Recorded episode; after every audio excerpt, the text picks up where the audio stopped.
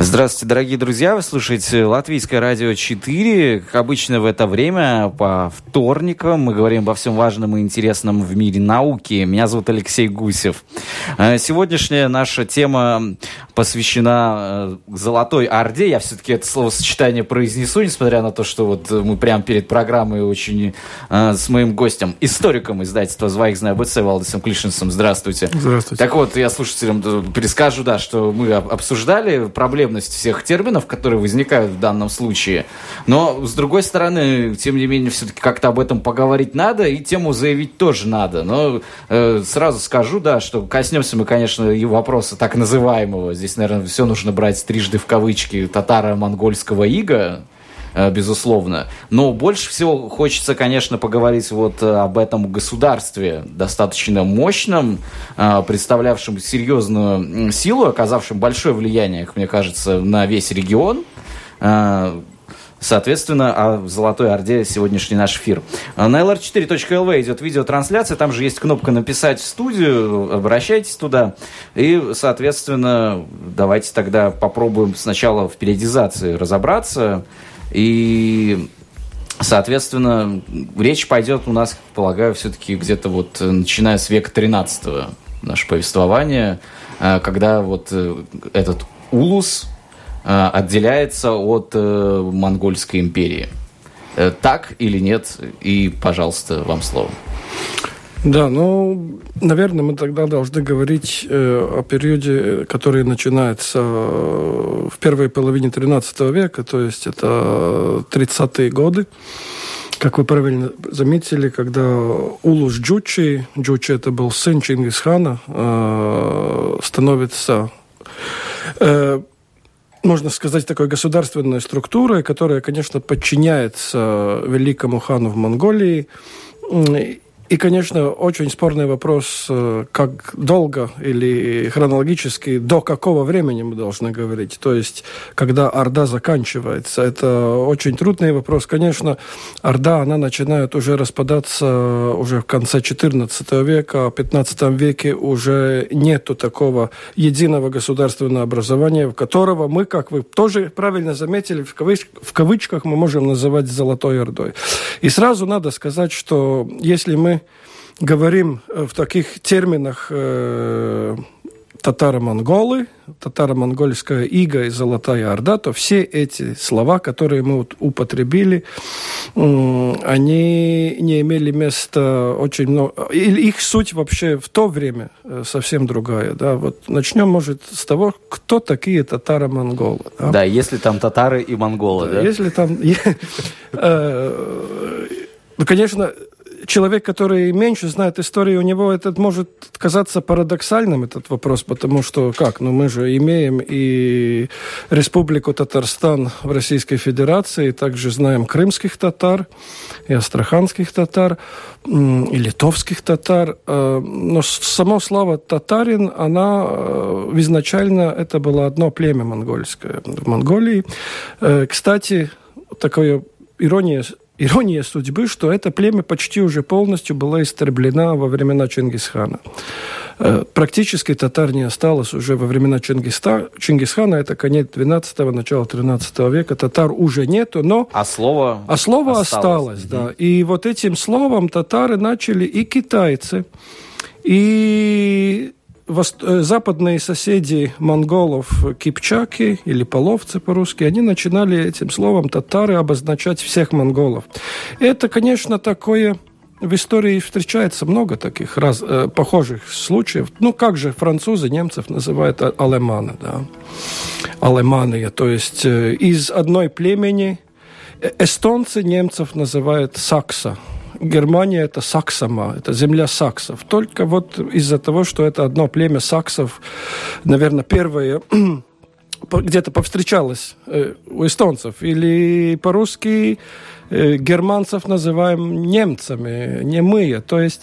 Или слово «кревия» можно вспомнить. Да, или «кревия» даже, да, да, спасибо, очень правильно, от, от кривичей. Э, этим словом татары, начина... Э, кипчаки и китайцы обозначали всех монголов, и в Европе это слово очень как-то приглянулось, потому что это психологически соответствовало тартар это что-то ужасное, это как и, преисподня какая-то. Ужасные татары, которые пришли с Востока. А кто же пришел с Востока? Кто были эти монголы-татары? И тогда мы доходим до, второй, такого, до второго тезиса, который я хотел бы упомянуть, что и монголов там было очень мало.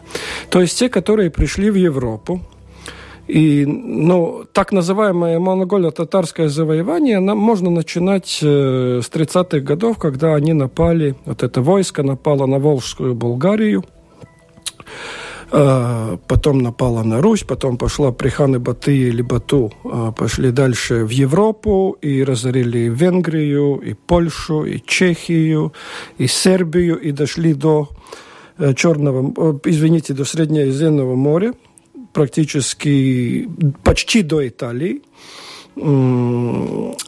Это было очень этнически такое разное, пестрое такое войска, в котором тоже из самих монголов было очень мало. Так что вот этот термин татаро-монгольское завоевание или татаро-монголы, оно, оно очень неадекватно, если мы смотрим источников. То есть эти люди, там были и китайцы, и тюрки, и, а потом слово... А как вот так, тогда вопрос, а как эти все люди очень разные, и как они да. все мобилизовались, и как они вместе тогда действовали да. вообще? И вот такой стержень всего этого, это власть. Вот это властная структура, это сильные личности и система подчинения ханской власти. То есть многоэтническое э, государство, многоэтническое войско, которое подчиняется одной идее. Это ханская власть, божественная власть хана, неоспоримая власть власть хана, а вся иерархия, которая под ней подстраивается, это власть хана, а это не национальная или этническая какие-то вот... Но я хотел бы закончить но словом татары. Имперская да. идея, действительно. Да, здесь. имперская идея, конечно, но в, в другом смысле, чем в Европе, да. Конечно, это имперская идея. А, и так получалось, что потом татарами начали называть и кипчаков или половцев, и всех тюркоязычных жителей так называемой Золотой Орды или Улуса, Улуса Джучи, всех их начинали называть татарами. Хотя сами они это слово не употребляли, э, татары. Оно встречается в источниках, но очень мало. И так получалось, что разные народы, ну, скажем, те же самые волжские болгары и другие тюрки, которые жили на Средней Волге, они потом уже, если не ошибаюсь, даже только в XIX веке сами себя назвали татарами. А то есть они ну как, татары это Чингисхан, это Орда, это те, которые завоевали Европу. То есть была такая, ну... Присвоили славу себе. Приватизация истории, а. если так можно сказать.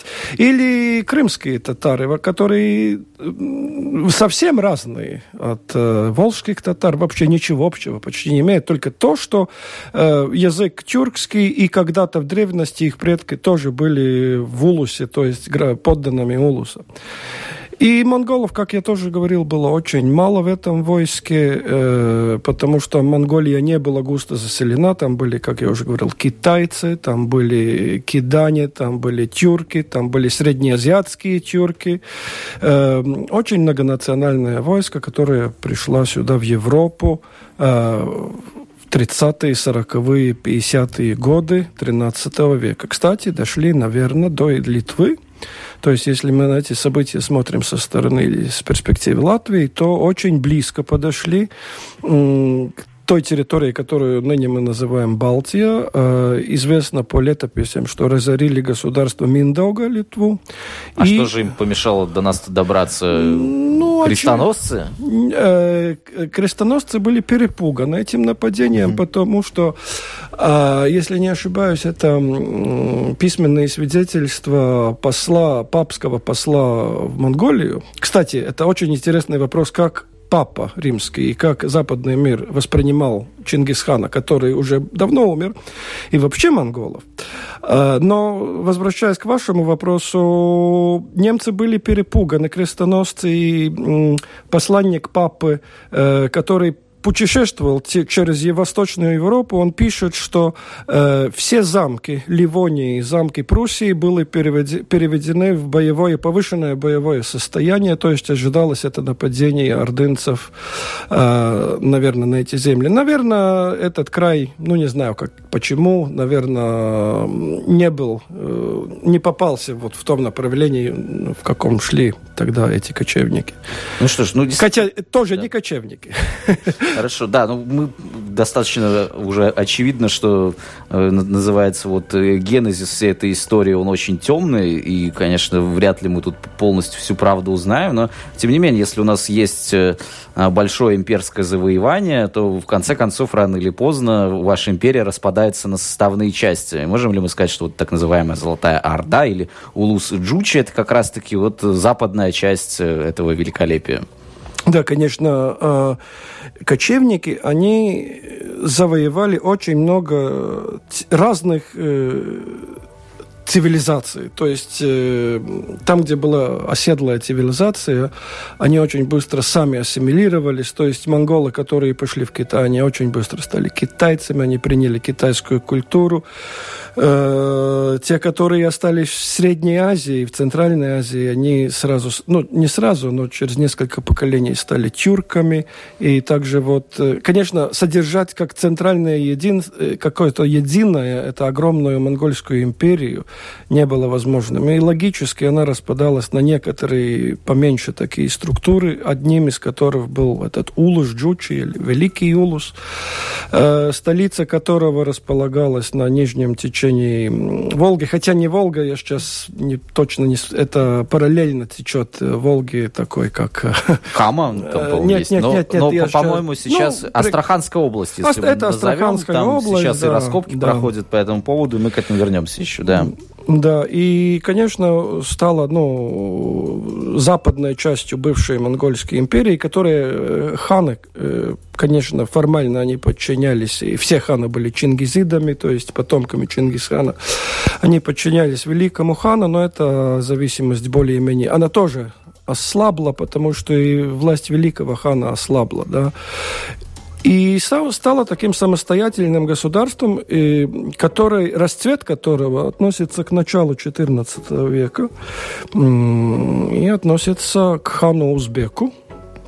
Вот это, наверное, пик славы и могущества и, и военной, и экономического такого подъема, военного экономического подъема э, Улуса. Это времена хана Узбека, начала XIV века, кстати, когда и э, Улус или Орда Золотая приняла новую религию. Ислам. Приняла ислам. Да, до этого э, Чингизиды и верхушка Улуса были многие были язычниками или поклонниками так называемого тенгри культа. А многие э, смотрели, кстати, и на христианство, и породнились с христианами, и даже способствовали иногда распространению христианства.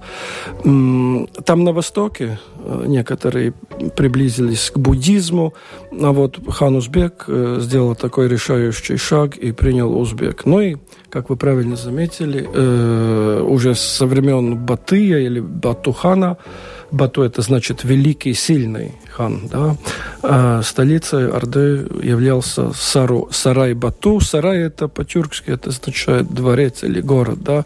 Это такое тоже ирония судьбы, что на русском языке слово сарай совсем... А вот, может быть, это не случайно даже как-то теперь думаешь Ну, ирония, ирония истории, да, да. Ну, действительно, сарай Бату или дворец богохранимый, да? Да, хотя от города ничего, насколько я знаю, не осталось. Там происходят археологические скобки, и вообще там мало информации о, в этом городе.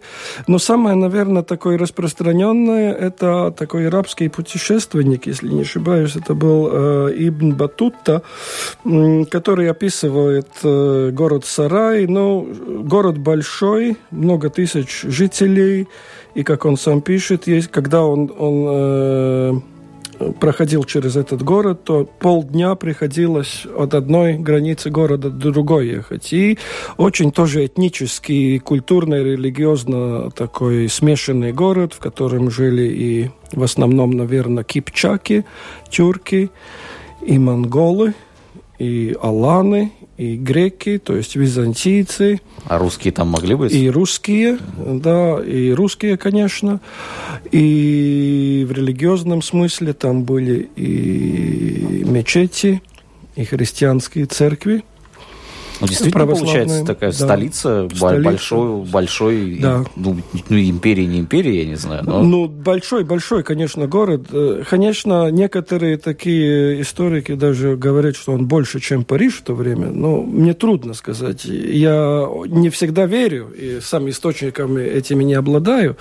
Но это многотысячный город, э, и очень-очень такой... Но от него ничего не осталось, потому что вот после Узбека уже начался постепенный распад этого улуса и междуусобные войны, а потом один из последующих ханов э, уже основал другую столицу, там недалеко где-то рядом, и я знаю, сколько ар- археологи там ну, даже не могут да. найти, где он там находится. Новый сарай был основан. Да, да новый правильно. сарай, так что ну и, конечно, интересно то, что несколько лет обратно был снят фильм «Орда» в российском. Одна компания, кино, ну, кино, кинокомпания сняла такой исторический фильм «Орда», который, конечно, очень как противоречиво его этот фильм надо оценивать. Там, конечно, много идеологического и много исторических таких э, фальшивых нот. Но очень интересно то, что сам город, как и русские историки, э, от, отзывались, очень адекватно сделан. И этот павильон, который там где-то недалеко, э, он остался и для туристов. Я, э, готовясь к этой передаче, чуть-чуть посмотрел mm-hmm. в интернете. Там в Астраханской области, там и можно посетить этот. И в самом фильме, я фильм тоже смотрел когда-то, э, очень хорошая такая, ну, реконструкция, графика компьютерная, и макеты, и реальные какие-то строения города Сарая. Конечно, он был сделан, эти дома были одно- и двухэтажные, в большинстве сделаны из глины. А, ну и были, конечно, и мечети мусульманские, и христианские церкви. И, если не ошибаюсь, даже а, юдаистская а, синагога. Историк издательства «Звайгзна БЦ» Валдис Клишанс у нас в гостях. Обсуждаем мы Золотую Орду, что это было за государство.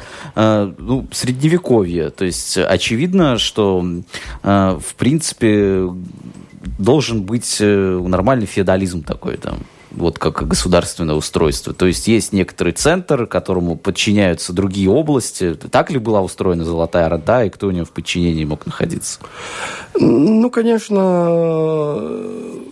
глядя на эти вопросы с европейских позиций, наверное, слово феодализм... Не точное, Не да? точное угу. опять будет, потому что слово феодализм – это отношение, э, от, образ модели отношения между сеньорами и вассалами. Но тут тоже, конечно, есть и сеньоры, и вассалы, и принцип в основном где-то, ну где-то в основном он похож.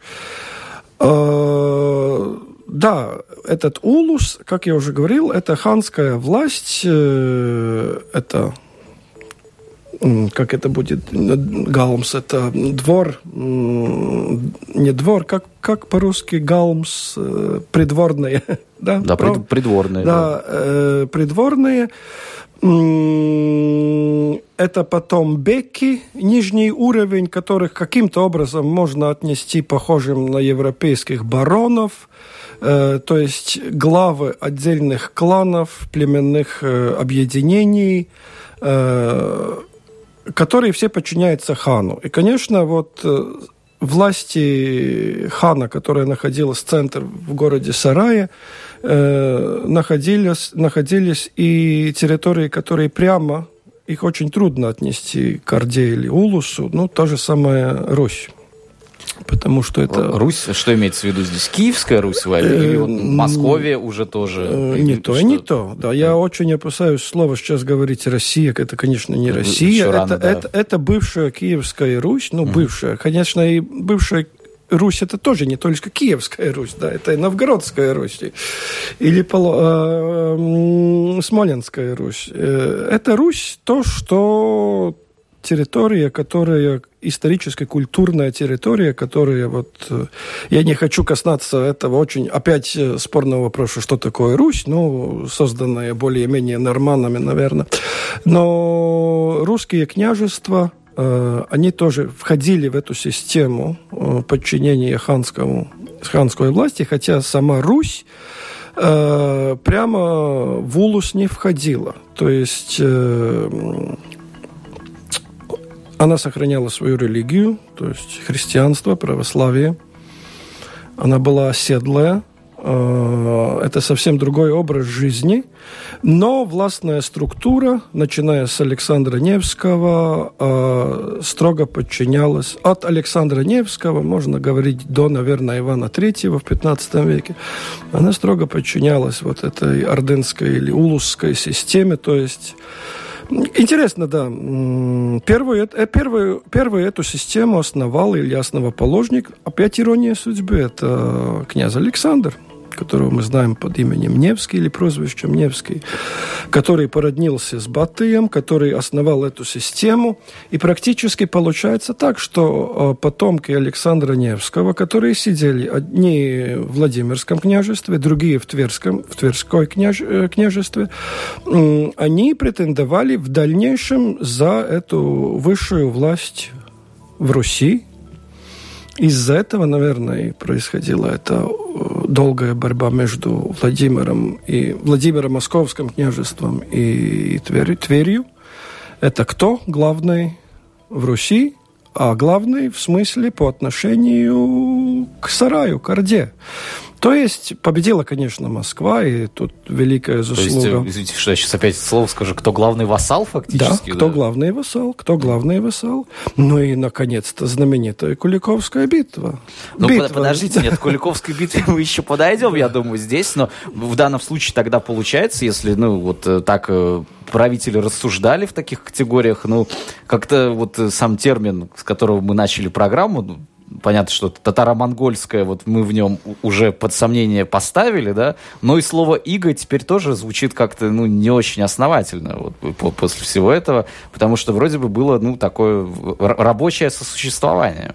Да, ну, конечно. Ну, что мы... Э, главное, какой смысл, смысл мы вкладываем в слово «иго». Конечно, если человек, который слышит слово «иго», ну, не знаю, это, может, мой такой стереотип с детства, но «иго» — это люди в кандалах, да, это, это, это ужасные условия жизни, это порабощение, это все время, все ты отдаешь, и там ты не знаешь вообще отдыха, вот это «иго». Ну, такого... ну вот что-то такое да, представляется да, о да. вот этим столетии, как бы, вот Нет, этой это, истории? Это, это довольно это, конечно, не иго в этом понимании этого слова. Тогда мы можем, можем найти настолько примеров и в Европе. Вообще это только иго множественном числе и будет. Это, это структура власти, э, как вы говорили, э, в кавычках феодальная, где эта территория, которая называлась Русь, подчинялась хану и платила дань. И, э, но отношение русских князей к, к хану то есть платить дань. Великий князь получает ярлык, да, то есть право на владение или владычество в Руси. Э, ну, монгол, так называемые татаро-монголы или ордынцы, или улусцы, не знаю, как их будут правиль, надо правильно называть, они поэтому и сделали перепись населения, которое очень важное событие, чтобы знать, сколько дани брать. Но и русские князья должны были идти э, иногда по призыву хана на какие-то военные акции. Некоторые историки пишут, я не знаю, это есть в источниках или нет, я только читал в трудах, что иногда и русские дружины появлялись очень далеко на востоке э, в составе хана, ханской армии. Но это тоже нормально. Но вот, как вы говорили, такой своеобразный феодализм. Э, так бы я ответил на это слово. Было или не было иго. Конечно, монголы не, э, никаким образом даже не, не мешали тут э, в Руси какой-то образ жизни, нерелигиозный, ни, ну, ничего такого не было. Хорошо, наверное. вот в таком случае для чего Куликовская битва тогда? Да, Куликовская битва. За что тогда они, а, Кто главный вассал? Вот эта Куликовская битва Уже конец XIV века. Орда или Улус находился в глубоком рас, э, уже в застое. Он приближался к распаду. Еще до распада надо было чуть-чуть подождать. подождать. И в Улусе начались э, борьба за власть. Э, и всеми известный Мамай, который не был ни Чингизидом, ни ханом, а узурпатором власти – он был в конфликте с официальным ханом Тахтамышем. И получалось так, что э, Дмитрий Донской в то время заступился за Тахтамыша, то есть пришел, э, чтобы спасти официальную власть хана, э, в Улусе пошел со своим войском против Мамая и разгромил его. И таким образом... Сохранил стабильность, сохранил э, стабильность Золотой Орды. Да? Стабильность Золотой Орды, но проблема в том, что э, Тахтамыш, э, который э, пришел к власти, он э, посмотрел, наверное, в каких-то своих книгах, увидел, что за 12 лет не уплачена дань. И он спрашивал, а где моя доля? Я же должен, как хан, получить ее от Москвы. Все время, за 12 лет ему никто не платил. Наверное, Донской думал, что из-за этой услуги, что он разгромил Мамая, может, ну, я так чуть-чуть фантазирую, может, он подумал, что и отпустит этот долг. Mm. Ну, Тохтамыш не отпускал и пошел против Москвы. И была разорена Москва полностью. После, несколько, два года, наверное, после Куликовской битвы. А потом э, уже при Тахтамыше и начался полный распад Улуса или Орды, потому что в то время в Центральной Азии появляется знаменитый Тамерлан, Тимур, который и первый, который полностью разгромил э, ордынскую или улусскую армию, и Тахтамыш бежал, и потом уже Орда, она уже разделилась на несколько частей, на ханство, э, и Астраханское, и Казанское, и Крымское, то есть уже такой центральный центральной власти в Сарае уже не было. И это позволило русским князьям, особенно вот московским князьям, э, уже меньше считаться э, с ордынской или ханской властью. Ну, конечно, в, конец, в конце концов, Иван III и сбросил этот, это, эту формальную уже зависимость от, от, от, от хана. Ну, а потом и несколько, возможно, переписать да. историю в отношении тоже Куликовской битвы, некоторую да. иную интерпретацию ей дать. Да. Но эти интерпретации э, монголо-татарского монголо-татарской власти в России они они не знаю они меняются начиная с Петра Первого и Екатерины II то есть если Европа хочет приблизиться, к, и Россия приближится к Европе, то есть э, это татар, татары становятся все хуже и хуже. Да? Иногда как что-то восточное татары становятся, ну, наверное, правда где-то между вот двумя такими концепциями. Это старая, старая концепция Ига и, конечно, концепция Гумилева который смотрел совсем другими глазами, который писал о союзе, что вот э, Россия вместе с Востоком, вместе с Ордой, вместе э, противи, противились западному такому влиянию. Это, конечно, другая крайность. Да? Наверное, правда, где-то по, по, посередине этого ну, конечно, написано множество литературы и мнений, и полный интернет, и много книг издается по этому вопросу, так что... Так что, да, возможно, окончательной интерпретации никогда и не будет в этом вопросе. Латвийское радио 4, напоминаю, вы слушаете. Сейчас мы на небольшую паузу уйдем, можно будет нам позвонить после этого. Все важное и новое из мира науки в программе Теория всего. Э, Валдис Клишенс у нас в гостях, историк издательства «Звайгзна АБЦ». Про Золотую Орду мы говорим и, естественно, коснулись вот этого очень сложного, чрезвычайно вопроса татаро-монгольского ига. Но все-таки вот э, что еще я хочу вас спросить, перед тем, как можно будет нам позвонить, телефон 67227-440, я вижу уже звонки есть, 67227-440. Но э, перед этим, э, тем не менее, учитывая, что вот это все-таки столетняя история довольно успешных взаимоотношений и э, московская Русь, или как это правильно сказать, княжество находилось в подчинении у э, сарая в подчинении у Золотой Орды, э, логично предположить, что некоторые модели управления она заимствует. И вот э, не является ли вот эта вот Московская Русь, которая возникает, ну вот с точки зрения государственного управления, некоторые копии, ну, в, в той мере, в которой всегда колонии пытаются копировать метрополии свои? Ну, наверное, полностью нет. Эм, но очень много. Это вот абсолютная власть, безоговорочное подчинение князю или хану, э, пренебрежение э, к такому называемому простому люду, которое царило э, в землях бывшей монгольской империи, это есть. Но это почти... Большинство историков признают, что, конечно, российское государство московское государство, Московия, она формировалась э, в рамках э, той идеологии, которая царила в Орде. Да. Но, конечно, с другой стороны, я еще раз говорю, все-таки христианство, оно совсем другая религия, чем ислам. Э, потом оседлый образ жизни, потом все-таки эти славяно-финно-угорские э, традиции, традиции Киевской Руси, да, то есть институт Веча, который тоже, ну, он, он исчезал во времена э, ордынской власти, все-таки, ну, он тоже имел какое-то, наверное, влияние на дальнейшее формирование. Так что сказать, что Моско... Москва или Московия – это какая-то копия Улуса, перенесенная, хотя есть такие теории, да, это, наверное, преувеличение. Преувеличение, да. Да. Совсем другая культура, другие люди. 67227-440, напоминаю, это телефон нашего прямого эфира, звоните нам прямо сейчас. Э, говорим мы о Золотой Орде, и добрый день. Алло. Да, пожалуйста. Э, добрый день, господа. Э, очень интересная программа у вас в это время проходит.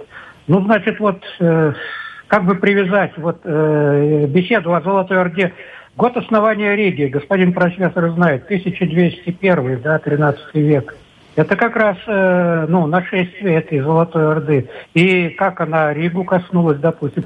Второе, второе, это действительно все-таки было иго иго. И то, что русские князья тогда не было, а они платили дань это всегда висело. Это, э, монголо-татары не трогали, не трогали народ, пока платили дань. Это, кстати, аналогично ну, нынешней ситуации. Угу, пока... угу, спасибо большое. Нынешняя ситуация, давайте все-таки мы не будем вот здесь э, э, какие-то прям параллели проводить. Все-таки очень много времени прошло. Но мы же говорили, вот относительно первого вопроса, мы говорили угу. как раз-таки про э, нашу территорию Но я в это время. слушателя чуть-чуть поправлю. Угу. Основание Риги не имеет прямой никакой связи с нашествием монголов на Европу.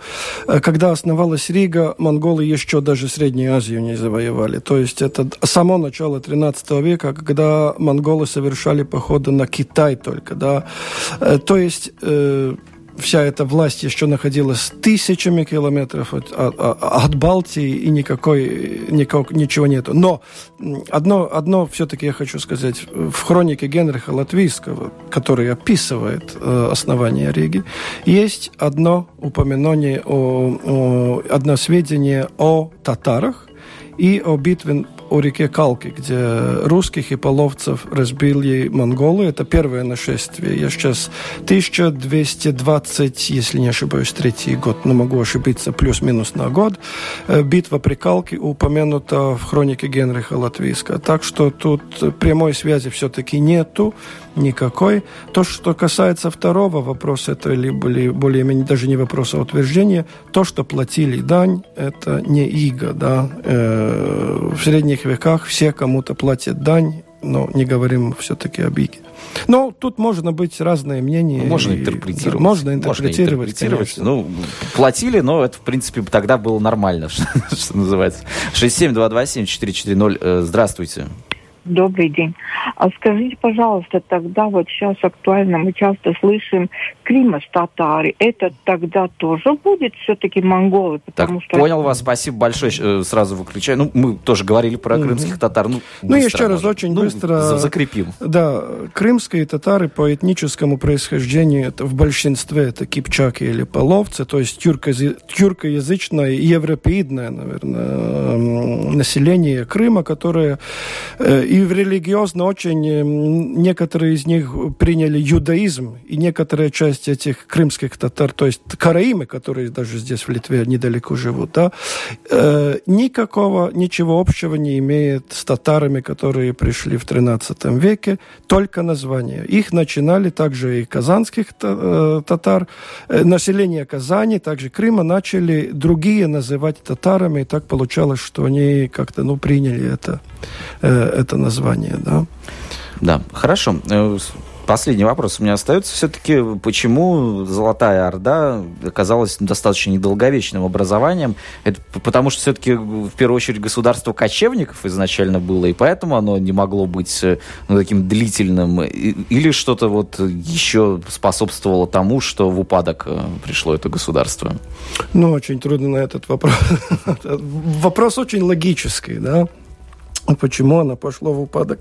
Много теорий есть. Но одна из теорий, одна из теорий, я назову только несколько из них. Да?